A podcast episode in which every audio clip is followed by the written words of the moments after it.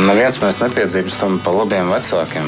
Mēs tikai par tādiem varam kļūt dzīves laikā. Ja mēs to vēlamies, mēs to varam sasniegt. Skola un augšana, attiecības un sadzīve, fiziskā un emocionālā veselība. Par šo un daudz ko citu raidījumā ģimenes studija. Labdien, rādījums ģimenes studijas sāk savu skanējumu. Jūs sveicināta producente Liena Vīmbe, mans vārds ir Agnese Linka. Nedēļas no, nogalē ir aizvadīta ikgadējā izglītības izstāde skola 2024, un caur šī regulāri notiekošā pasākuma prīzuma mēs šoreiz un šodien ģimenes studijā gribam palūkoties uz to, kādas tad tendences valda šobrīd Latvijā augstskolu izvēlē. Uh, nu, Tā, tas ir svarīgs aspekts eh, turpmākās izglītības izvēle jaunieša un arī viņu vecāku dzīvēs, kā tad izvēlās eh, cilvēki sev piemērotākās augstskolas, kas ir svarīgi dažādas studiju iespējas izvērtējot. Tātad ar un par topošajiem studentiem, ar dažādu kalibru mācību spēkiem un citiem ekspertiem šodien, uh, cerams, arī vecākiem um, iesaistoties uh, sarunu ģimenes studijā, un tās dalībnieki būs Valsts izglītības attīstības aģentūras direktore Dita Traidās. Labdien! Labdien! Arī Latvijas darba devēja konfederācijas politikas plānošanas dokumenta eksperts Rihards Blese šodien ir mums kopā ģimenes studijā. Sveicināti! Rīgas Tehniskās universitātes studiju prorektore Elīna Gaile Sarkane. Labdien! Labdien. Latvijas Universitātes studiju servisa departamenta direktors Jānis Saulītis. Labdien! Un Rīgas Stradiņa Universitātes prorektors akadēmiskajā darbā asociētais profesors Dzins Šmits. Labdien! Labdien! Paldies jums visiem, ka atradāt tik kuplā skaitā šodien iespēju atnākt pie mums uz ģimenes studiju, dalīties savā zināšanās ar mūsu klausītājiem. Klausītāji, jums tad mēs arī piedāvājam iespēju iesaistīties šajā sarunā ģimenes studijā. Mūsu numurs WhatsApp platformā ir 256 6440. Jūs varat tur rakstīt savus komentārus. Protams, kā vienmēr radījumam ģimenes studija var sūtīt ziņas arī no Latvijas radio mājaslapas, atrodot tur pogu nosūtīt ziņu.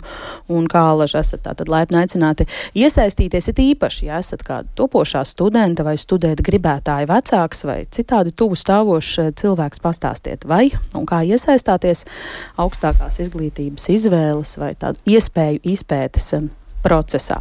Tas pirmais jautājums visiem varētu būt uh, kopīgs. Kādas tendences tad jūsu vērojumos šobrīd valda augstākās izglītības izvēlē Latvijā? Kādi kritēriji ir tie svarīgākie, smagākie un, uh, jā, varbūt pat kāda mode valda? Kā tas um, allaži ir bijis? Dita, es raudzīšos uz jūsu pusi vispirms. Es domāju, ka tā diskusija, ko faktiski ir izglītības resursi iesācis, respektīvi uztvēris par STEM jomām, kas ir no augstākās izglītības viena no ļoti augstām prioritātēm, ir sasniedzis dzirdīgas ausis un, un faktiski studenti un mēs redzam, ka studenti uz šīm izglītības pro, studiju programmām iet, bet mēs esam arī ievērojuši arī, ka tieši tiešām pieminētajā skola 2024 izstādē ļoti daudzi jaunieši un sestdien arī viņu vecāki interesējās par pašvaldībās šobrīd nu, tikko pabeigtajiem um, zinātnes un inovāciju centriem, kas ir um, Daugopilī, Liepājā, Cēsīs un Daugopilī, kas ir veltīti tieši tam, lai raisītu interesi, orientētu uz šīm uh, STEM priekšmetu jomām, uz dabas zinātnēm, uz tehnoloģijām, uz uzņēmēju darbību un tam līdzīgi. Un, uh, mums bija prieks redzēt, ka uh, gan jaunieši, gan vecāki par šo interesējās kā par tādu profesionālās ievirzes pa palīgrīku, ar kuru saprast un aizvest savu, savu 9. klases vai 12. klases skolnieku, lai viņš paskatās, kas tas īsti ir. Tā būtu viena tendence. Otra tendence ir tāda, ka Uh, nu, ņemot vērā pēc tā, kad mēs strādājam arī ar ārvalstu studentu piesaistīšanu Latvijā, tad mēs orientējamies ar saviem digitālajiem mārketinga rīkiem uz, uz šo vecumu grupu, mēģinot saprast, kas tad viņus uzrunā. Un, uh, un tas, kas viņus uzrunā, ir nu, vispirms tāds ļoti interesants fakts, kur ir Erasmus programmas, tātad, kurās pat arī vispār izglītošās skolās un kurās augstskolās ir Erasmus. Tātad šis, šis papildus tāds studijām Latvijā papildus iespēja ir viena no lietām, kas, kas teiksim, varbūt kaut ko spēlē augstskolu izvēlē. Uh, bet otrām kārtām, protams, aizvien uh, spēcīgāka un, un paliekoša interese ir par studiju programmu kvalitāti. Par to, kur lasa, kas tur būs, ko tur mācīs un tam līdzīgi. Un, uh, es domāju, tā arī ir labā ziņa, kad jauniešiem interesē tiešām. Uh, Kāda, kāda ir reputācija augstskolai, kādas ir, kāds ir izglītības studiju programmu saturs, cik tur ir ārvalstu studentu, tā skaitā, un, un arī, protams, par to, kādas viņai ir ārvalstu sadarbības iespējas un, un tam līdzīgi.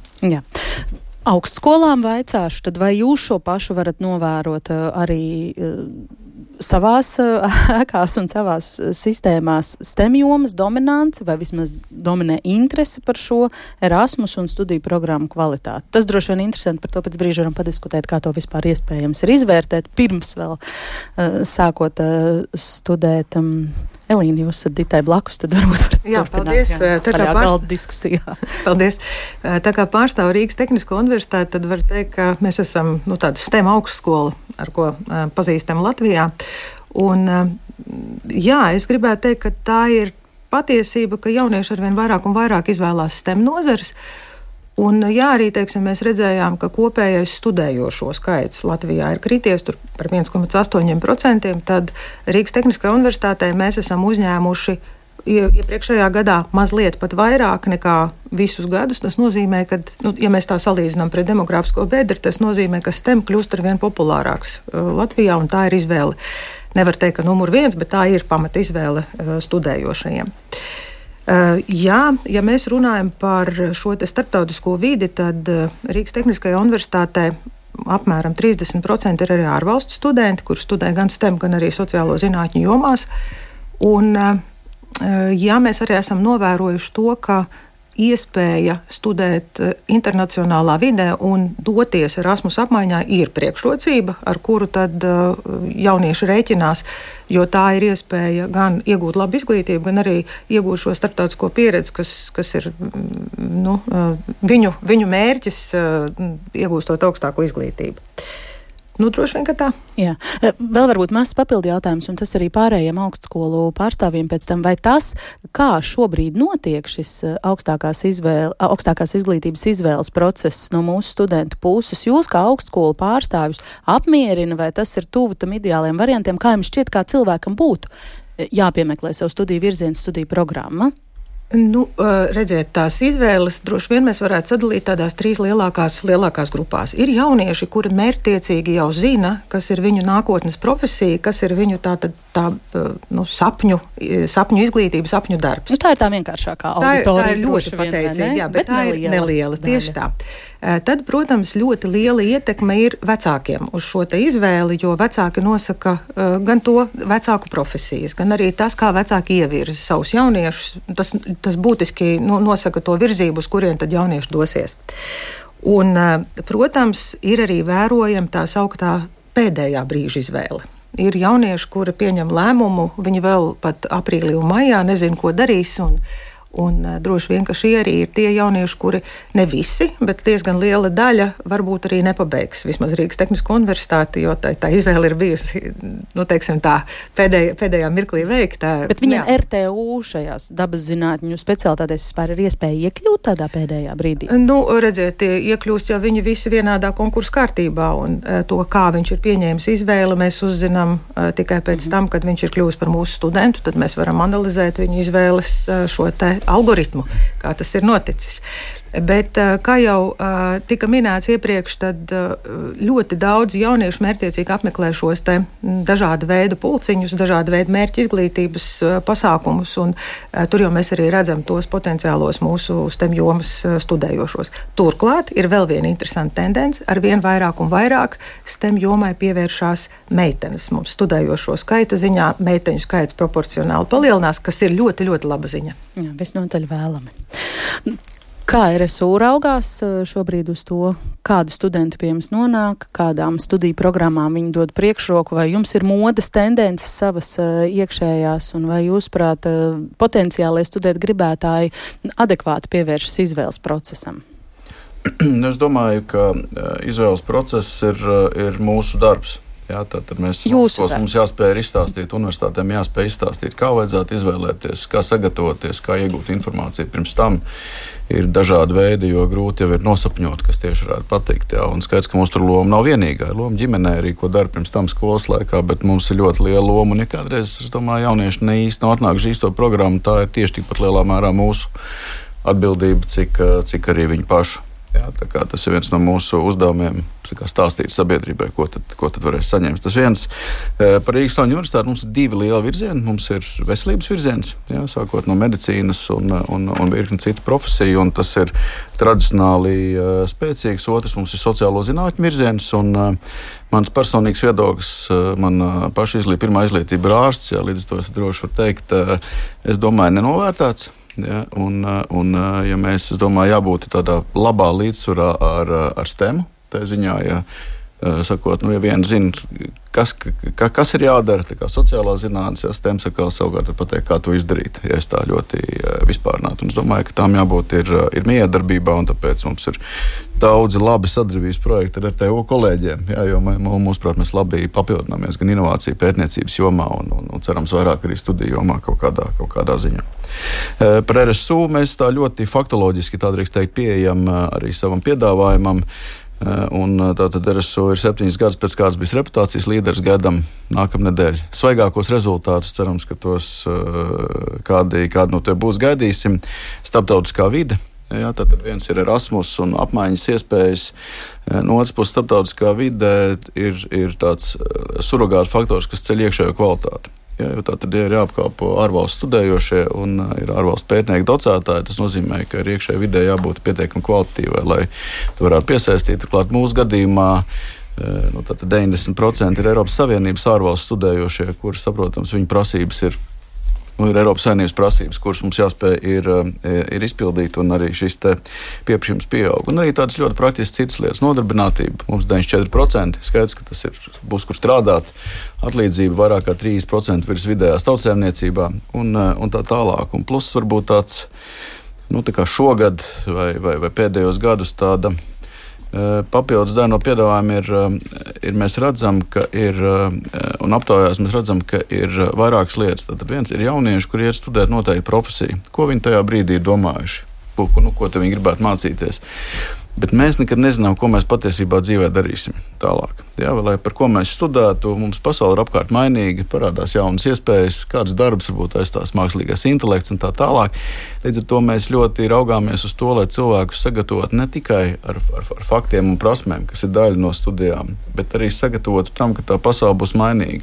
Un, piemēram, ja mēs sakām pētniecībā balstītas studijas, pēc būtības tas nozīmē spēt lasīt, izprast, apkopot nu, sakot, pašattīstīties. Eh, mēs, eh, mums visā studiju programmā šobrīd ir mākslīgā intelekta kursi, jā, tad, lai katrs iemācītos to lietot kā, kā, kā rīku. Jā, jo skaidrs, tas nekur nepazudīs. Eh, un, un līdzīgi projektu vadība, komunikācija, tātad lietas aptaujā, tā skaitā pat veselības virzienā strādājušies. Ja viņiem jautā, kas jums visvairāk trūks, lielākoties trūks tieši šīs prasmes. Kā tad, kā tad sadarboties ar citiem, kā sasniegt, kā lietot jaunākos rīkus, kā radīt pārmaiņas tā. Tā kā mēģināt skatīties no šām. Latvijas universitātes pārstāvjiem arī tad vaicāšu, ko jūs novērojat, kā jūs gribētu, lai topošie studenti izvēlas uh, studiju programmas, studiju virzienus Latvijas universitātes ietvaros un kā tas reāli um, notiek? Nu, es gribētu teikt, ka tiešām visas izvēles sākās jau ar ģimeni. Vecākiem vajadzētu jau savos bērnos radīt vēlmi interesēties par kaut kādām profesijām, un aizvien pieaugot, interesēties varbūt precīzāk un tiešāk par to, kas ir šajās profesijās. Uh, rekomendēju visiem izmantot dažādas pasākumus, tur ēnu dienas un, un, un dažādas tam līdzīgas iespējas, kā tiešām uzzināt, kas tas ir, ko pēc tam dzīvē varēs darīt. Un nākamais solis jau ir izvēlēties un saprast, kurā virzienā gribās vispār dzīvē attīstīties un virzīties. Un tur var palīdzēt dažādi karjeras speciālisti vai karjeras eh, noteikšanas instrumenti, testi un tam līdzīgas lietas.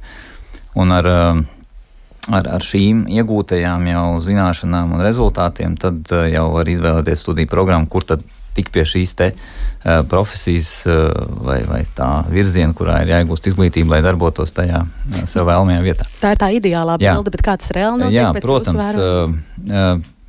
Es domāju, te neko jaunu nepateikšu. Tev viss tika pateikts, ka ir daļa cilvēku, kas ir ļoti skaidri jau caur šādu vai savādāku prizmu izgājuši un sapratuši, par ko viņi grib dzīvē būt un ir ļoti mērķiecīgi. Un vienmēr ir šī pēdējā brīža izvēles. Un, un šeit es domāju, ka tas mūsu varbūt svarīgais darbs ir tajā brīdī, lai arī tai, tajā brīdī, kad viņš ir atnācis ar savu pēdējā brīža izvēli pieteikties augstskolā, tad mēs viņam vēl varam dot kādu padomu tajā pēdējā brīdī, varbūt, un piekoriģēt viņa izvēli. Ja, jo reizēm tiešām ir cilvēks tur savā prioritātēs, ir ierakstījis 20 dažādas studiju programmas visos iespējamos virzienos. Bet, um, protams, no tā varbūt nekas prātīgs nesanāk dzīvē. Uh, tāpēc um, no vienas puses, eh, tad, kad tiek runāts par visādiem atbirumiem augstskolā, kad ir slikti, ka tur atbirst un, un, un tik daudz atbirst, vai cik daudz atbirst, ir skaidrs, ka atbirums ir dabisks process no studiju programmām un vienmēr atbirst. Eh, jautājums, cik liels tiek uzskat, ir uzskatāms par kaut kādu normu, ja, jo nevienmēr arī tie, kas būs apzināti kaut ko izvēlējušies, varbūt arī viņi īstenībā netiks ar to galā. Es domāju, jo ir sarežģītākas studijas, jo tās ir komplicētākas un, un darbu vairāk paģērošas, jo viņās iespējams ir grūtāk noturēties dzīves laikā. Pavisam īsts jautājums Jā. par tiem atbirumiem. Tad cik lielā mērā jūs prāt tas ir saistīts ar to, ka cilvēki iet tur, kur vairāk budžeta vietu, un tad arī tur tas atbirums vairāk? Es domāju, ka tas ir daļēji ar to saistīts. Jā, jo uh, principā, tā kā es arī pats diezgan tuvu darbojos uzņemšanas proceso, procesiem, tad uh, vārds budžets ir diezgan liels uh, izvēles faktora virzītājs. Jo, uh, reizēm cilvēki tiešām arī pat atgriežoties pie šīm pašām prioritātēm, viņi izvēlās vairākas budžeta prioritātes, uzsvaru liekot uz to, ka jātiek budžetā, nevis tieši kaut kādā vēlamajā studiju programmā, kas, protams, būtu tas ideālais faktors, ja cilvēks tiešām nonāk tajā studiju programmā, kurā viņš grib studēt, un tad viņš tur sāk skatīties, vai viņš budžets vai kredīts vai kā savādāk to visu finansēt. Ja.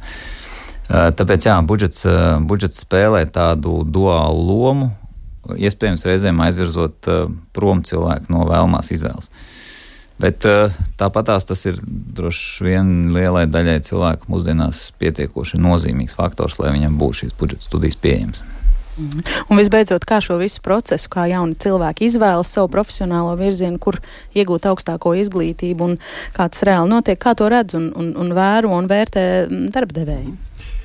Ja mēs tādā nu, vēsturiski atskatāmies uz tiem lieliem, lielo bildi, tad uh, sadalīta tādos astoņu gadu nogriežņos. 2008. gadā mums bija apmēram 120 tūkstoši studentu, tad līdz 16. gadam tas nokrita līdz kaut kādiem 80 tūkstošiem, un tad tas ir tādā plato fāzē. Līdz šogad ir aptuveni, pagājušajā gadā bija 75 tūkstoši. Tā kā nu, tur ir tāds, tāda plato fāze, ka nav milzīgas izmaiņas kopējā skaitā bijušas. Um, bet, protams, interesanti, kāpēc tas tā ir noticis. Un, un tas, tas, tā, tā viena lieta ir ārvalstu studenti, protams, mēs redzam datos, ka veselības aprūpē un tad droši vien Straņu universitātē un arī droši vien kā daļa Latvijas universitātē ir, ir nopelns, kāpēc, kāpēc studentu skaits kopējais ir noturēts.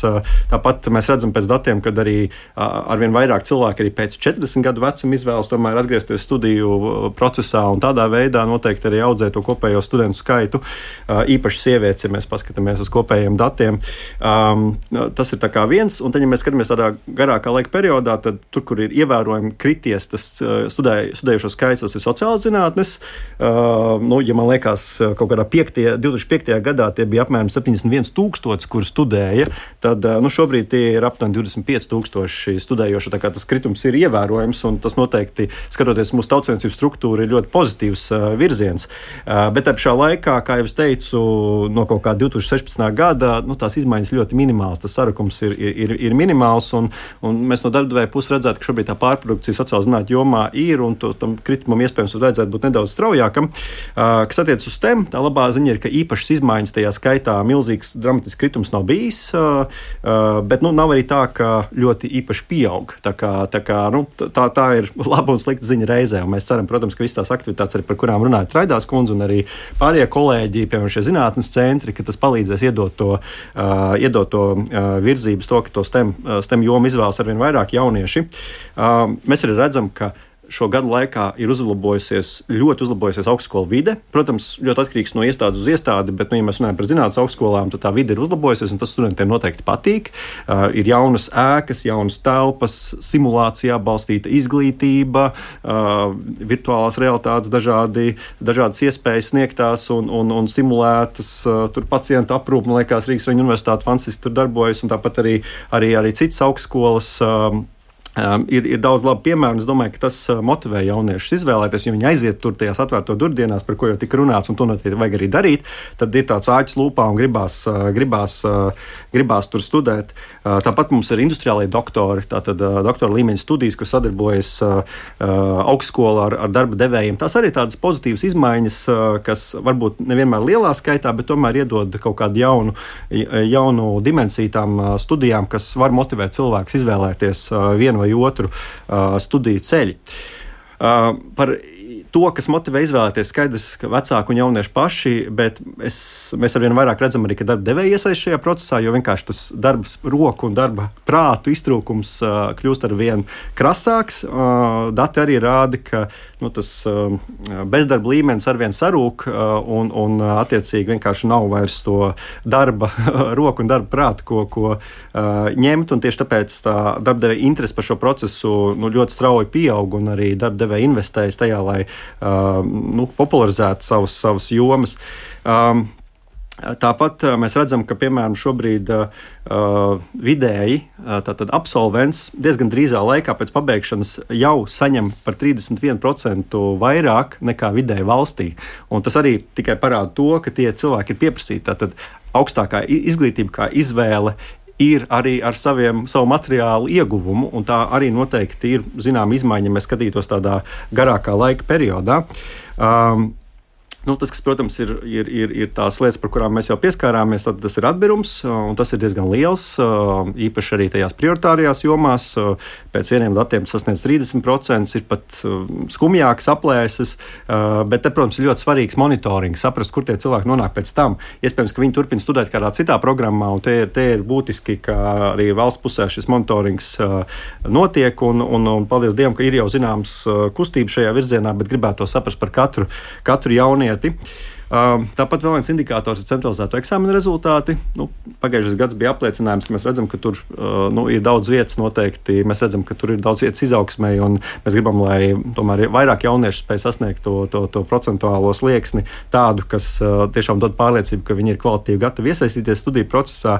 Uh, bet, ja mēs skatāmies tā pozitīvi, tad skaidrs ir tas, ka nu, es domāju, ka visi lēnām saprot, ka būs jāmācās visu mūžu garumā, un ka iespējams ar vienu, um, vienu augstāko izglītību nepietiek nepietiks, būs jānāk uz augstskolu atkal un atkal. Iespējams, ne lai mācītos pilnstudiju programmas, bet uh, lai mācītos kādus moduļus vai, vai nu, kā to tagad moderni sauc par mikrokvalifikācijām. Uh, bet, bet tas noteikti ir kaut kas, pie kā arī, manuprāt, šobrīd augstskola strādā un, un arī caur, caur dažādām valsts iniciatīvām. Uh, šis noteikti ir ticis stimulēts pēdējos gados, un, un tā, ir tā, tā ir tā pozitīvā ziņa. Jā. Uh, Pirms mēs turpinām, es tomēr gribētu piedāvāt dot iespēju un dot vārdu arī pašiem jauniešiem, jo aizvadītajā nedēļas nogalē ģimenes studija pabija izstādē skola 2024 un prognoze, ka tur varēs satikt daudz pašus potenciālos studēt gribētājs, protams, piepildījās, ja un cilvēku tur bija daudz, un mēs viņiem vaicājām, kas viņus ir šajien atvedis, kādi augstākās izglītības virzieni viņus interesē un kādi kritēriji viņiem augstskolu izvēle būs tie noteicošie. Paklausīsimies! Es vairāk meklēju kaut ko par biznesu, nu jā, par biznesu, mārketingu, visu ekonomiku un tādu. Es vairāk meklēju medicīnas virzienu, vairāk gāju uz stradiņiem vai uz eh, visādām koledžām skatīties. Medicīnas virziens, jā, es arī domāju, iet uz stradiņiem kā fizioterapeitu. Es skatos arī, cik ir budžeta vietas, cik interesanti cilvēki pasniedz savu iestādi. Noteikti skatos arī, vai ir Erasmus, nu, Erasmus iespējas cik kā, maksā arī vispār tas visas studijas. Jā, man arī svarīgi bija budžeta vietas, jo es nezinu, kā tur būtu pašai atļauties. Un arī es skatos tās jaunās tehnoloģijas, piemēram, stradiņos tur ir, piemēram, par vecmātu, tur ir ļoti labas iespējas. Kā... Studiju maksas noteikti arī, protams, atkarīgs no budžeta vietas, bet uh, arī kopmītnēs tā kvalitāte un, principā, nu, tad, kā tur varētu būt dzīvošana, ja kā, ir jāpārvāc uz citu pilsētu. Man vidusskolā ļoti paveicās, ka man bija pieejami tie grozi, kas ir bioloģija, veselības mācība. Tad es varu turpināt tajā medicīnas nozarē, bet uh, ir vidusskolas, kurās nav tāda. 9. klases beigās bija jāizvēlās. Tad bija ļoti grūti, jo tajā brīdī es vēl īsti nezināju, ko es gribu darīt. Tad, tad arī tās domas mainās laika gaitā. Sarežģīti diezgan. Uh, interesējamies par augstāko izglītību. Šobrīd vidusskolā 11. klasē. Kā, kādā virzienā skatāties? Uh, nu, kaut ko varbūt ar finansēm, ekonomiku saistībā kaut kas tam. Man droši vien vairāk saistībā ar tehnoloģiju zinātnēm, tieši ar IT un programmēšanu. Jā, man arī finanses un ekonomika. Man šeit jābūt ļoti labām atsaucēm arī no cilvēkiem, kuri tur ir mācījušies. Noteikti arī jāmāk uzrunāt ar savu programmu un, un, un varbūt jā, arī tas, ko viņi piedāvā. Es domāju, ka es izvērtēšu, varbūt skatoties uh, pēc tā grafika, vai es varu savienot arī ar saviem kādiem hobijiem, varbūt darbu un uh, visu. Patiesībā nav svarīgi viss, ko saka universitāte, jo tas nevienmēr nav taisnība. Arī svarīgi tas, ka augstskola nodrošina kaut kādu praktisko pieredzi, nevis tikai teoriju, kad mācību laikā tiek piedāvāta arī kaut kādas praktiska prasmju apgūšana un tādā stilā lietas. Nu, mēs visi esam no vienas klases, mēs mācāmies uh, ekonomikas novirzienā arī. Tā kā visticamāk, jā, esam jau kaut kā ievirzījušies tajā kursā. Tas ierobežo tagad jūsu izvēli par augstāko izglītību? Uh, praktiski jā, ierobežo. Tas ir gan labi, gan slikti, jo, ja mēs tagad vēlētos, mēs diez vai varētu iestāties RTU inženierzinātnēs vai kaut ko tam līdzīgu. Godīgi sakot, nē, man ļoti apmierina mans grozs, tāpēc, ka man liekas, ka viņš ir optimāls un vērsts ir uz visām pusēm. Viņš nav konkrēts. Es varbūt kādu īsu brīdi nožēloju, jo es, man bija ideja kaut ko saistīt ar medicīnu, bet um, tas man šķiet ļoti sarežģīti. Es to nevarētu šeit. Es personīgi nenožēloju, bet es zinu, ka ir ļoti daudz cilvēku, kuri, piemēram, arī no mūsu klases nomainīja pēc desmitās klases novirziena, jo viņi saprata, ka ekonomika viņus neinteresē ka viņi tomēr grib kaut ko citu darīt. Un, jā. es, es skatos uz uh, kultūras akadēmijā, tur ir uh, horeogrāfa, laikmetīgā dēļa. Arī biju uz uh, Jāzaka Vīto mūzikas akadēmiju, kur arī ir deju skolotāju iespējas. Kā arī biju uz Air Baltica, kur ir uh, pēdējā laikā, man liekas, ir ļoti populāra palikusi stūrtu tieši profesija. Es domāju par to, kas, kas man visvairāk izraisīs prieku, ko es vēlēšos mācīties, jo kā nekā tie tomēr ir divi, trīs, četri gadi, kur laikā man būs intensīvi jāmācās. Droši vien būs kas tāds, kas man arī interesē. Ļoti daudz, protams, ietekmē arī tā alga pēc tam. Taču man liekas, ka manuprāt, ir ļoti svarīgi tomēr ņemt kaut ko tādu, kas vairāk iet pie sirds. Es raugos primāri uz etnomuzikologiem, tad tālāk varētu varbūt uz aktieriem mēģināt, nu, milzīga konkurence, bet var mēģināt. Un sāk arī interesēt kaut kāda cita priekšmeta, piemēram, psiholoģija. Man šķiet, ka es primāri vēlos iet uz to, kur man sirds sauc. Un, ja uzņem, es eju. Ja neuzņem, tad es izkārtošu tā, kādās profesijās varētu visvairāk gribēt strādāt. Pēc 9. klases es jau sāku domāt nevis par uh, vidusskolu, teikt, bet es jau sāku domāt par to, ko es darīšu augstskolā. Un pēc augstskolas izvēles es arī virzījos uz uh, vidusskolas groziem un tā tālāk. Uh, es esmu teātris mediju. Grozā. Man arī ir teātris un mediji, un es jau izvēlējos pēc 9. klases, kas vēlos kaut ko ar kultūru saistībā darīt. Un man šķiet, ka vidusskola ir ļoti palīdzējusi saprast, ka nu, tā ir tā puse, pie kuras gribu pievērsties. Man liekas, ka ir ļoti laicīgi jau jāzina, tomēr, kas būs tavs virziens. Un, uh, lai var saprast, kādus eksāmenus tomēr likt, jo ir arī iespēja tos eksāmenus mainīt. Taču pēdējā brīdī to izdarīt, man liekas, tas diezgan neiespējami un ļoti grūti. Man interesē vairāk, kā savienot savu sportu. Tomēr tas ir svarīgi. Par augstāko izglītību esat atnākuši kaut ko uzzināt? Mēs esam nedaudz ilgušies, ka tik maz ar vidusskolām saistīts. Bet, nu, protams, ir arī jādomā tālāk par tām augstskolām, jo mēs tomēr esam 9. klasē. Mēs gribam, mums vairāk tā vidusskola tomēr šobrīd interesē. Nu, jā, mums jāzina tie novirzieni. Es ka tā sistēma e, pateiks 15, 16 gadīgam cilvēkam, ko tu tagad gribi darīt dzīvē. Es, manuprāt, viņš ir pāragru. Bet nu, tāda ir tā sistēma. Pagaidām nav nekas labāks izdomāt, tāpēc ir ar to jāsamierinās. Tie trīs gadi paies ātri, un tad jau būs jāzina, kā, kas būs profesijas, kur tu gribi zināt un apgūt tās zināšanas. Sociālā zinātnes komunikāciju? Nu, man ir tā situācija, ka tu esi vienā grozā, bet tev ir uh, cits mērķis studēt, tāpēc ir diezgan grūti šobrīd. Tādi sarežģījumi ir izvēle un uh, domas šaubās no vienas puses uz otru. Kāds ir tas grozs? Uh, bioloģija, medicīna. Oh. Tu vēlies kaut ko no? Jā, no sociālām zinātnēm, mārketinga. Kāds tas risinājums? Tagad ir kaut kāda papildus eksāmena jāpērk? Šobrīd ir mērķis pabeigt to vidusskolu un tad skatīties, varbūt domas vēl mainīsies 12. klasē.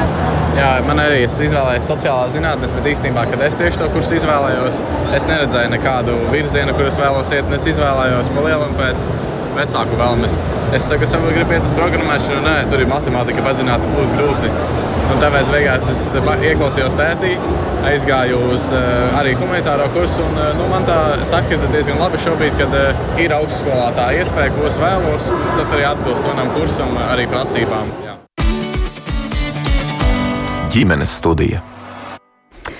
Tālāk, jaunieši, kas satikti nedēļas nogalē izglītības izstādē skola 2024, un es atgādināšu, ka ģimenes studijā šodien runājam par to, kādas tendences tad uh, valda šobrīd augstskola izvēlē, un sarunā piedalās uh, Dita Traidās no Valsts izglītības attīstības aģentūras Latvijas darbdevēja konfederācija pārstāv Rihards Bless, Rīgas uh, Stradiņu universitāte Dīns Šmits, Latvijas universitāte Jānis Saulīts un Rīgas Tehnisko universitāte Elīna Gaile Sarkane. Es domāju, ka mēs varētu vēl pusotru rēdu raidījumu šobrīd iztirzāt dažādos aspektus, kas izskanēja šeit jaunu cilvēku teiktajā. Tomēr es gribu ievirzīt to sarunu tai gultēm par tiem groziem un šo jauno vidusskolas uh, sistēmu, mm, kā tīri varbūt no, jā, no augstākās izglītības vidas profesionāļu viedokļa. Tas padara šobrīd vienkāršāku, sarežģītāku šo augstskolu izvēles procesu, augstskolu pieejamību, jo tas dominē gandrīz uh, visu skolēnu teiktajā. Tas spilgts indikators, galvenais kriterijs kritērijas izvēlē. Man bija laikus jāzina, kur doties un tagad, nu, kā, ko tad tagad darīt. Dita. Par tiem groziem runājot, tas jau faktiski vien norāda, ka tātad tas izglītības karjeras ceļš ir jāizvēlās ļoti agri. Nu, nav tā, ka tur būtu aizvērto durvju princips kādā no mūsu izglītības pakāpēm vai līmeņiem. Vienmēr ir iespēja kaut kur pāriet, kaut ko turpināt, kaut ko piemācīties un kaut ko savienot. Uh, Bet tomēr uh, ir svarīgi tas, kad, uh, ka šie karjeras izvēles kaut kādi instrumenti jauniešiem ir. Jūs atskaņotie jaunieši no, no izstādes jau parāda to. Tas arī ir karjeras izvēles viens no rīkiem. Viņi ir atnākuši uz izstādi apskatīties un, un, un iegūt šo informāciju. Bet vēl runājot par to, es gribēju vecākiem tomēr pateikt, ka pat arī šos grozus izvēloties nu, ir jāsaprot, tomēr svarīgākais ir, kas tam bērnam interesē un kas viņam padodas. Jo kā mēs uh, izcilības, teiksim, tajās konkursos jauniešiem stāstam, Jūs par zvaigzni kļūsiet tikai tajā profesijā, kuras jums, kuras jums patiesi patīk un kur jūs mīlat. Jo darbu, darbu, kuru tu nemīli, tu par zvaigzni tu nevari kļūt. Un tas nozīmē to, ka faktiski arī piesaucot šeit to atbirumu, tas īstenībā lielā daļā ir, ir izvēles nepareizas. Un tās ir vecāku ietekmes arī? Es teiktu, ka vecāki ir tikpat nezinoši kā, kā jaunieši šajā jomā. Tāpēc arī teiksim, mūsu aģentūra strādā uz vismaz četriem teiksim, karjeras izvēles rīkiem, kas palīdzētu gan jaunietim, gan, gan vecākam tur ieiet tajā mājaslapā un pameklēt un patestēt to jaunieti pret dažādām lietām. Jo kas ir vissvarīgāk, arī tad, kad viņš izvēlas grozu, viņam jāmēģina iedomāties tas tālākais ceļš, jo tie tad ir vairāk vienalga, kā izskatīsies darbs. Jo ļoti reti, kad vecāki aizpavērš tā jaunieša izvēles prizmu uz to, Pamēģini iedomāties, ko tu ikdienā darīsi, šo izvēloties. Man pašai personīgs piemērs ar dēlu, kurš saklausījies televīziju un radio un, un, un dzīvi, teica, es gribu būt par juristu. Es viņu aizvedu uz trīs juridiskajām iestādēm, uz notāru kantūru, uz, uz, uz auditoru iestādi, uz, uz, uz, uz vienu partneru institūciju, kas ir izteikti nu, nodarbojas ar dažādām lietām un, un klientu interešu pārstāvniecību juridiskajā jomā. Viņš apskatījās, kas tur notiek ikdienā un teica, ne, paldies, šitos sējumus un šitos papīrus es redzēju. Negribu. Bet jautājums, kādā vecumā jūs to darījāt? Vai viņš jau bija pakļauts grozu gados, sistēmai? Jā. 16 gados tas bija. Droši vien, ka ne vēl. Jā, grozu sistēma tajā brīdī nebija. To, to, brīd, to brīdi viņi nebija. Un uh, vēl uh, šos priekšmetus izvēloties, tas ir labs tests saprast, vai tu vispār vari viņus pavilkt. Jo kolēģi pieminētais atbirums augstskolā, it sevišķi pirmajos kursos, īstenībā ļoti lielā mērā ir mm, iemesls tam ir nespēja šos priekšmetus mācīties. Mhm. Vienkārši nespēja, tas ir pa grūtu, tā kā viņi teica, pa sarežģītu. Augstskolu kolēģi, tad spilgtākie akcenti jauniešu teiktu, teiktajā, ko jūs pasvītrotu? Nu jā, šeit, eh, šeit tiešām izskanēja tas, ka eh, pēc tam, kad jau ir nomācīts viens vai vairāk gadi vidusskolā, mainās intereses, un tagad ir grūti kaut ko mainīt, jo tas gros jau ir aizmugurē. No vienas puses ir tā, ka augstskolas eh, cenšas, protams, šīs durvis neaizvērt, kā jau minēja, un mēs pēc iespējas tajās programmās, kurās nu, nav ļoti specifiskas prasības, kurās var pieļaut, ka nav vajadzīgas ļoti specifiskas prasības sākumā, mēs cenšamies palikt pie tiem obligātiem, iestāju, obligātiem centralizētiem eksāmeniem, kā iestāju nosacījumiem. Ja. Tad, protams, ārstniecība vai, vai bioloģija vai ķīmija, kur ir šīs vismaz vēlams speciālās zināšanas, tur, protams, tur grozā kā gribi vajag šos eksāmenus. Un, uh, Tas, tas, ir, tas, ir, tas ir, protams, trūm, tas ir tas mīnus tajā visā sistēmā. Tas, kas varbūt ir vēl viena tendence, manuprāt, mūsdienās aiz, ar vien vairāk ar gadiem pieauguša, ka uh, varbūt cilvēki, jaunie cilvēki arī uh, nebaidās tik daudz kļūdīties ar to izvēli. Ja varbūt uh, agrāk, senāk tas bija tāds, nu, tu tagad izvēlējies, un tagad tas ir tavs mūža darbs, un tu nekādā gadījumā no tās takas nokāpt nedrīkst. Ja? Apmēram tā. Ja, tad tagad eh, tāda iestājos, pamēģināju, nesanāca, aiziešu kaut kur citur, aiziešu, pamainīšu. Tas notiek, man liekas, daudz vieglāk viņiem pašiem, organiski vieglāk. Ja? Un, uh, tas varbūt ir uh, gan plus, gan mīnus, bet uh, tas varbūt tajā nepareizās, jeb sarežģītās izvēles sekas var dzēst vieglāk. Ja? Vai arī, ja tev tas grozs nebija, tad viņš saprata, ka nesanāk, viņš piemācās kaut ko tur paralēli klāt. Nu, tur jau pamatīgi motivācija vajadzīga, lai piemācītos. Un, nu, ja grib izaugt kā tāds, tad svarīgi, lai viņš tad virzītos tajā augstākās izglītības virzienā. Protams, atmest ar roku, nē, man augstskola nav vajadz paredzēt, tas, protams, ir tas sliktākais. Vēl īsās replikas. Droši vien var. Uh Nu, viens, es domāju, arī par tām izvēlēm. Skaidrs, ka mēs kā kādreiz uz mūžu neizvēlamies. Es domāju, tā ir, tā ir labā ziņa. Un... Bet jauniešiem ir tā sajūta. Viņš saka, man 16 gadu vecumā liek izvēlēties, ko es mūžu gribēju jā, darīt. Bet arī ne, nu, katrā vecumā mums kaut kādas izvēles jāveic. Jā, tas ir pareizi. Un droši vien jau tēma ir nevis vai izdarīt izvēles, jo tiešām katram jādara tas, ko, kas, kas labāk padodas. Jautājums ir, kādā kombinācijā vai kā pats kopā un kas ir sakot, atbalsta struktūras, ar ko kopā to var izdarīt. Un skaidrs, ka ir pats, ko dabīgi dara, tad ir vecāki.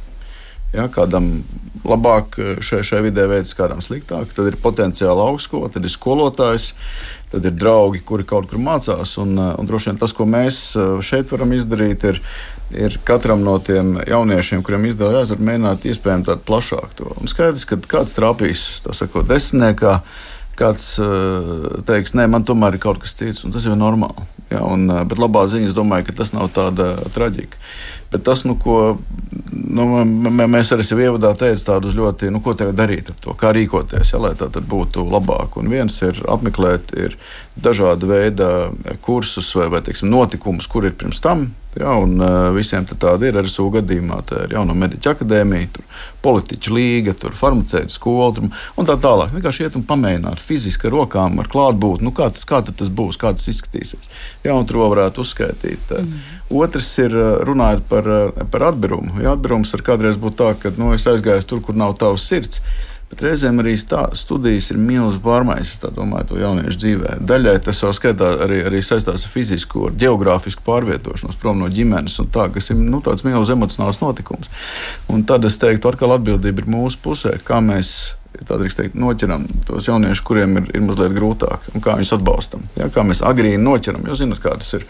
Kaut kas neizdodas, tad mazliet ievāc, vēl kaut kas neizdodas, vēl kaut kas.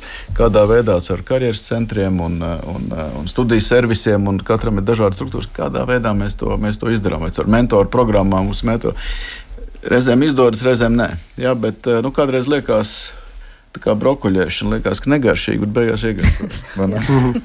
Elīna, ko paslavēsiet vai pakritizēsiet? Jā, jā no es, cilvēku teiktajā, bet īsi. Es teiktu tā, ka tā izvēle 16 gados, protams, kad ir, ir eksakto zinātņu cilvēki, un viņi saka, jā, tas ir mans, bet lielākajai daļai tomēr ir tendence iet vieglāko ceļu un izvēlēties to, kas ir vieglāks. Un pēc tam, kad viņi pienāk pie apziņas, ka varbūt tas vieglākais nebija pareizais, tad viņiem ir jāmācās papildus. Tas, kas mums kā universitātei būtu svarīgi, ir, lai šie jaunieši, nu, mēs arī tātad ar centralizētiem eksāmeniem uzņemam, un mums ir būtiski, lai būtu matemātika, tā, ko viņi ir kārtojuši.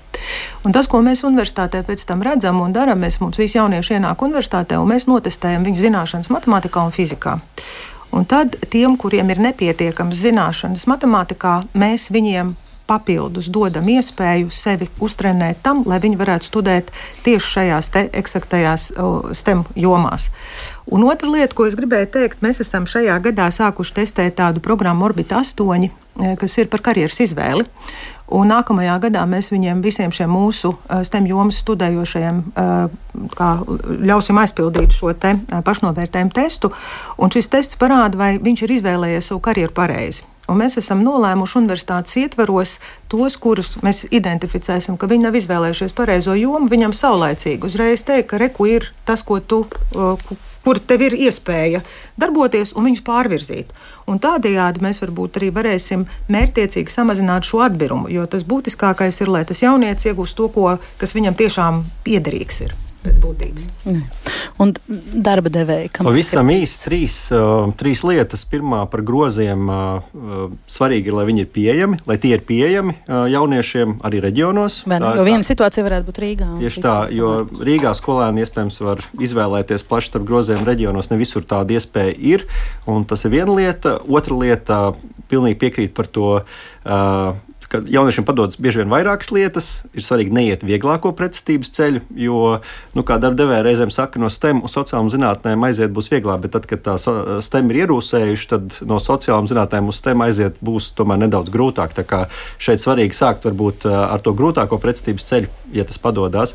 Un trešā, trešā lieta, vēl bez tām daudzajām labajām lietām, ko augstskolas dara, lai studentiem, topošiem studentiem dot iespēju uzzināt, kā tad ir studēt. Es gribu pieminēt arī, ka, protams, darba devēja dod tādu iespēju iekāpt viņu kurpēs, ir gan ēnu dienas. Jā. Tāpat es visiem jauniešiem iesaku izmantot iespēju strādāt vasarā, ir dažādas vasaras darba iespējas un būt ambicioziem. Nevis varbūt iet, kur vairāk var nopelnīt, vai, vai kas ir tuvāk mājām, bet tajā jomā, kur tiešām varbūt gribās izmēģināt savus spēkus. Tā kā nu, šeit, ir, šeit ir tas maksimāli to iespēju izmantošana, tas skaitā veidojot savus biznesa uzņēmumus, caur, caur Junior Chimet Latviju un tā tālāk. Šīs iespējas dažādas, lai izmēģinātu sevi jau arī darba tirgu un saprast, vai kaut kas patīk vai nepatīk. Klausītāji arī reaģē, un, un līdzīgas lietas iesaka Jānis raksta, pats biju ēnas dienā kriminālistikas pārvaldē, pēc tam sapratu, ka policijā negribu strādāt. Aizgāju citur, un eh, Marta iesaka no personīgās pieredzes neizlaimīgajiem gadiņu pastrādāt, padomāt un nesteigties, nevis iestāties vienalga, kur esat jauni, neko nenokavēsiet, netērējiet laiku, nervus un budžeta vietas tas, um, jā, bet mūsu saruna ar savu redzējumu tagad no savas tādas profesionālās pers perspektīvas papildinās arī vēl Rīgas valsts trešās ģimnāzijas karjeras konsultante Diana Šķēle, kas kā jau lielas un labas skolas pedagogs un gribas teikt tiešām savas uh, jomas darba entuziasts un karjeras konsultants, viņa ir ļoti detalizēti pētījusi gan to, kādas šī brīža augstskolu prasības tiek izvirzītas vidusskolu absolventiem, gan ar kādām problēmām saskaras topošie studenti un kā tad jauniešiem palīdzēt visā tajā laikus un pēc iespējas labāk norientēties paklausīsimies Dienas teiktajā. Jaunietis vairs nevar tā pavisam viegli dzīvoties līdz 12. klases beigām, kā tas bija vēl pāris gadi atpakaļ, ja, kad lēmums varēja pieņemt burtiski pēdējā brīdī, pat izējot no centralizēto eksāmenu rezultātiem. Diezgan bieži dzirdēju, ja iešu tur, kur būs iespēja, ņemšu vērā centralizēto eksāmenu rezultātus un tad pieņemšu lēmumu tad tagad jau līdz tai 12. klasē jaunietim jau ir virzība jāskatās. 9. klase ir tas brīdis, kad ir jau jāpieņem lēmums. Un situācija ar karjeras atbalstu dažādās skolās ir arī ļoti, ļoti atšķirīga. Un satiekot eh, septembra mēnesī visus mūsu desmitos, es eju iepazīties, jo ir situācija, ka diezgan daudz jaunieši nemaz nekad nav satikušies ar karjeras konsultantu. Viņiem šāda atbalsta skolā arī nav bijis. Un viņi atnāk un tajā pirmajā pusgadā saprot, kur viņi ir nonākuši, kurā grozā, un tad uzreiz ir diezgan bieži jautājums, vai būs iespēja mainīt šo moduli jeb šo grozu, ja jau, jau, jau tikko iestājies. Un tāpēc es esmu sapratusi, ka vēl joprojām strādā princips, svarīgākais ir iestāties skolā, Un tad jau skatīsimies, ko skola piedāvās. Ja? Milzīgas tabulas, kurās ir pa gadiem 10, 11, 12 klase, kā sadalīsies dažādie šie mācību priekšmeti pa gadiem. Ja? Kamēr 10, 11 klasē būs optimālais līmenis, jo vēl jau ir šie līmeņi, un 11. klases beigās jaunieši kārto eksāmenus optimālajā līmenī, gan matemātikā, gan latviešu valodā, gan gan svešvalodā. Un tad tajā 11. klasē ir tas galīgais, galīgais lēmums jāpieņem. Nu, mums ir līdz 8. martam šogad ir jauniešiem ir jāiesniedz iesniegums, kādi būs šie padziļinātie trīs mācību priekšmeti, ko jaunietis mācīsies 12. klasē.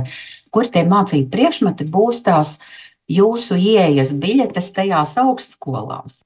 Tātad pirmkārt intereses, Otrkārt, kādi būs šie padziļinātie mācību priekšmeti, ko viņš jau ir skolā izvēlējies un mācījies? Rezultāti, centralizēto eksāmenu rezultāti matemātikā, latviešu valodā un svešu valodā, tavu sasniegumu rezultāti, jo ir augstskolas, kuras papildus punktus piešķir arī par dalību valsts un starptautiskā līmeņa olimpiādēs, zinātniski pētnieciskajos darbos, dažādos konkursos, un tie ir atšķirīgi no studiju programmas prasībām, citi centralizētie eksāmeni, kā piemēram vides un medicīnas profesionālajā virzienā dodoties. Tie būs noteikti centralizētais eksāmens bioloģijā, centralizētais eksāmens ķīmijā, vai centralizētais eksāmens sociālajās zinātnēs, vai vēsturē, vai, teiksim, gada atzīmes, gada vērtējumi, kuram jābūt ir obligāti kādā no mācību priekšmetiem, nu, piemēram, gada atzīme sociālajās zinībās. Ja? Gada atzīmju vidējais rādītājs vairākos mācību priekšmetos, un tas ir ļoti, ļoti niansēti. Piemēram, Rīgas Tehniskajā universitātē lielā daļā studiju virzienu ļoti ņem vērā vai tu esi mācījies fiziku, vai tu esi mācījies ķīmiju. Un tā pati sarežģītākā situācija ir, ka katrā augstskolā, es runāšu tikai par šīm trim, ja? es milzu daudz laiku veltīju, lai izietu cauri katrai studiju programmai, un paskatītos, kas ir nepieciešams. Un es esmu izveidojis milzīgas tādas tabulas par Latvijas universitāti, par Rīgas Tehnisko universitāti, par Stradiņu universitāti, arī par banku augstskolu, kuras izvēlas pārsvarā mūsējies jaunieši. Ja? Un jaunietis apskatoties šo tabulu, viņš saprot, piemēram, Latvijas universitātē Es vienu piemēru pateikšu. Ja? Man pirmā izglītība ir biologs, un vēl joprojām tuva. Ja? Lai es studētu bioloģiju, tā ir medicīnas, dabas zinātņu, matemātikas un datorikas jaunā fakultāte. Vairs nav bioloģijas fakultātes, un jaunietim tātad tiek prasīts centralizētā eksāmena rezultāts matemātikā, latviešu valodā un svešu valodā, tiek skatīts centralizēto eksāmenu vidējais rezultāts, Citi centralizēti eksāmeni, bioloģijas centralizētais eksāmens būs obligāts. Gada vērtējumos tiek skatīts, lai ķīmija vai dabas zinības, ko skolēns ir mācījies, vai nu ķīmija vai dabas zinības, vērtējums nebūtu zemāks par četrām balēm, Un ceturtais kritērijs - papildus punkti un priekšrocības Latvijas Universitātes izcilības skolas absolvents, ja? vai Latvijas Universitātes jauno biologu skolu, pabeidzis ar godalgu valsts vai starptautisko bioloģijas olimpiāžu godalgas, valsts godalgas zinātniski pētnieciskajos darbos.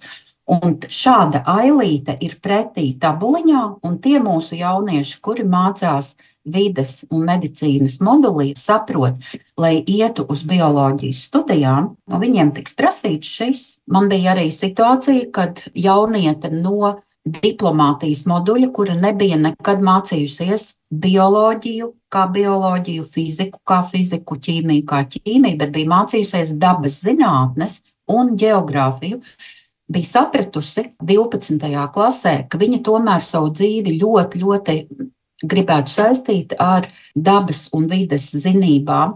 Un es kā konsultante meklēju ceļus, caur kādām programmām viņa varētu tomēr šo savu sapni, ko viņa tagad ir sapratusi, realizēt. Un tātad tiešām aicinu visus jauniešus un arī vecākiem dodu ziņu, tvērt maksimāli šo informāciju. Ja? Un tāpēc ir visdažādākās vietnes, kā profesija pasaule.lv prakse.lv, nīd LV, kas ir lielākā izglītības iespēja datu bāze. Ja? Visās Latvijas augstskolās notiek tā saucamās atvērto durvju dienas. Ir sekošana studentiem, ja, studentu kurpēs, ikgadējās ēnu dienas darba devēji ir kļuvuši atvērtāki, ielaižot šos skolēnus ēnot. Vienā gadā skaties savu interešu virzienu, otrā gadā piedzīvo un skaties un papēti to otru savu spēcīgo virzienu.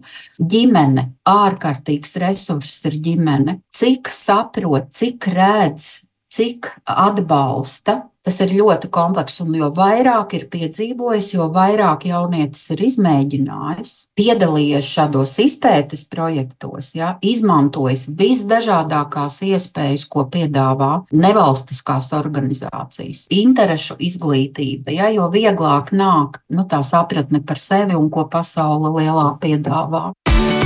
Ģimenes studija - vecāku sabiedrotais jau vairāk nekā desmit gadu. Tātad paldies Rīgas 3. valsts gimnāzijas karjeras konsultantē Diānai Šķēlē, jāpiebilst viņa arī Rīgas vispārējās izglītības iestāžu karjeras izglītības atbalsta centra darbiniece un sarunas ieraksts vēl piecreiz garāks, tā kā noteikti par šo runāsim specifiski, kā karjeras konsultācijas notiek izglītības iestādēs jau Jānis pieminētajā pamatskolas posmā. Ja noslēdzot sarunu, mēģinot rezumēt kāds viens tāds ieteikuma rakstura komentārs tieši vecākiem, kas ir tad raidījuma mērķa auditorija. Ko jūs teiktu, Dita? Nu, es teiktu, vecākiem centieties pēc iespējas ātrāk ar savu jaunieti runāt par darba pasauli, par to, kur viņš kā viņš saprot profesijas, lai viņš lasa, lai viņš meklē internetā, lai viņš meklē Nīdelvē datubāzē, lai viņš skatās profesiju pasaulē un visādi un, un, un iet un pēta tiešām tieši to, kas tajā profesijā ir jāstrādā. Lai jaunieci ātrāk par to sāk domāt, tad viņam arī tas grozs ātrāk nāks. Jā, sadalīsim brālīgi atlikušo laiku. Kolēģi. Es savukārt teiktu, ka vecākiem būtu vērts skatīties tieši, kas ir nākotnes profesijas un nākotnes kompetences. Un savus jauniešus virzīt uz to, lai viņi meklē, iet un nepadodas un ne, neizdara vieglākās izvēles. Jo tikai tad, kad tu esi mazliet piepūlējies, tu sasniedz vairāk. Mm -hmm. Lai atbalsta uh, studēšanu, lai noliek līdzsvarā savas vēlmes un izpratni. Jā ar, ar to, kas tiešām tam jaunam cilvēkam padodas, ko, ko viņš vēlas. Jā, šis opozīcijā tiem klausītājiem, kas raksta, ka visus jādzen uz tehnikumiem, bet tas droši vien citas sarunas. Un papildus tam visam es teiktu, ieklausieties arī savos bērnos un dzirdiet, sadzirdiet, ko viņi vēlās. Jā, manuprāt, tehnikums arī ir laba izvēle, bet, ja pēc tam 9. klases ir aiziet uz vidusskolu, tad gan cita ceļa nav. Tā ir augstākā izglītība, dabaszinātnes, matemātika, IKT joma, lauksaimniecība. Tās tās lietas, kur šobrīd ļoti trūks darbinieku, un, protams, arī nu, pārējās lietas, kur, kur būs iespējams vairāk jākonkurē darba tirgu. Un viens ieteikums vecākiem jums šobrīd ir iespēja uh, saviem darba devējiem lūgt apmaksāt augstāko izglītību, un tas netiks aplikts ar darba, darba spēku nodokļiem, kas ir šī gada jaunums, ko arī Latvijas Darba konfederācija palīdzēja sasniegt. Izmantojiet to.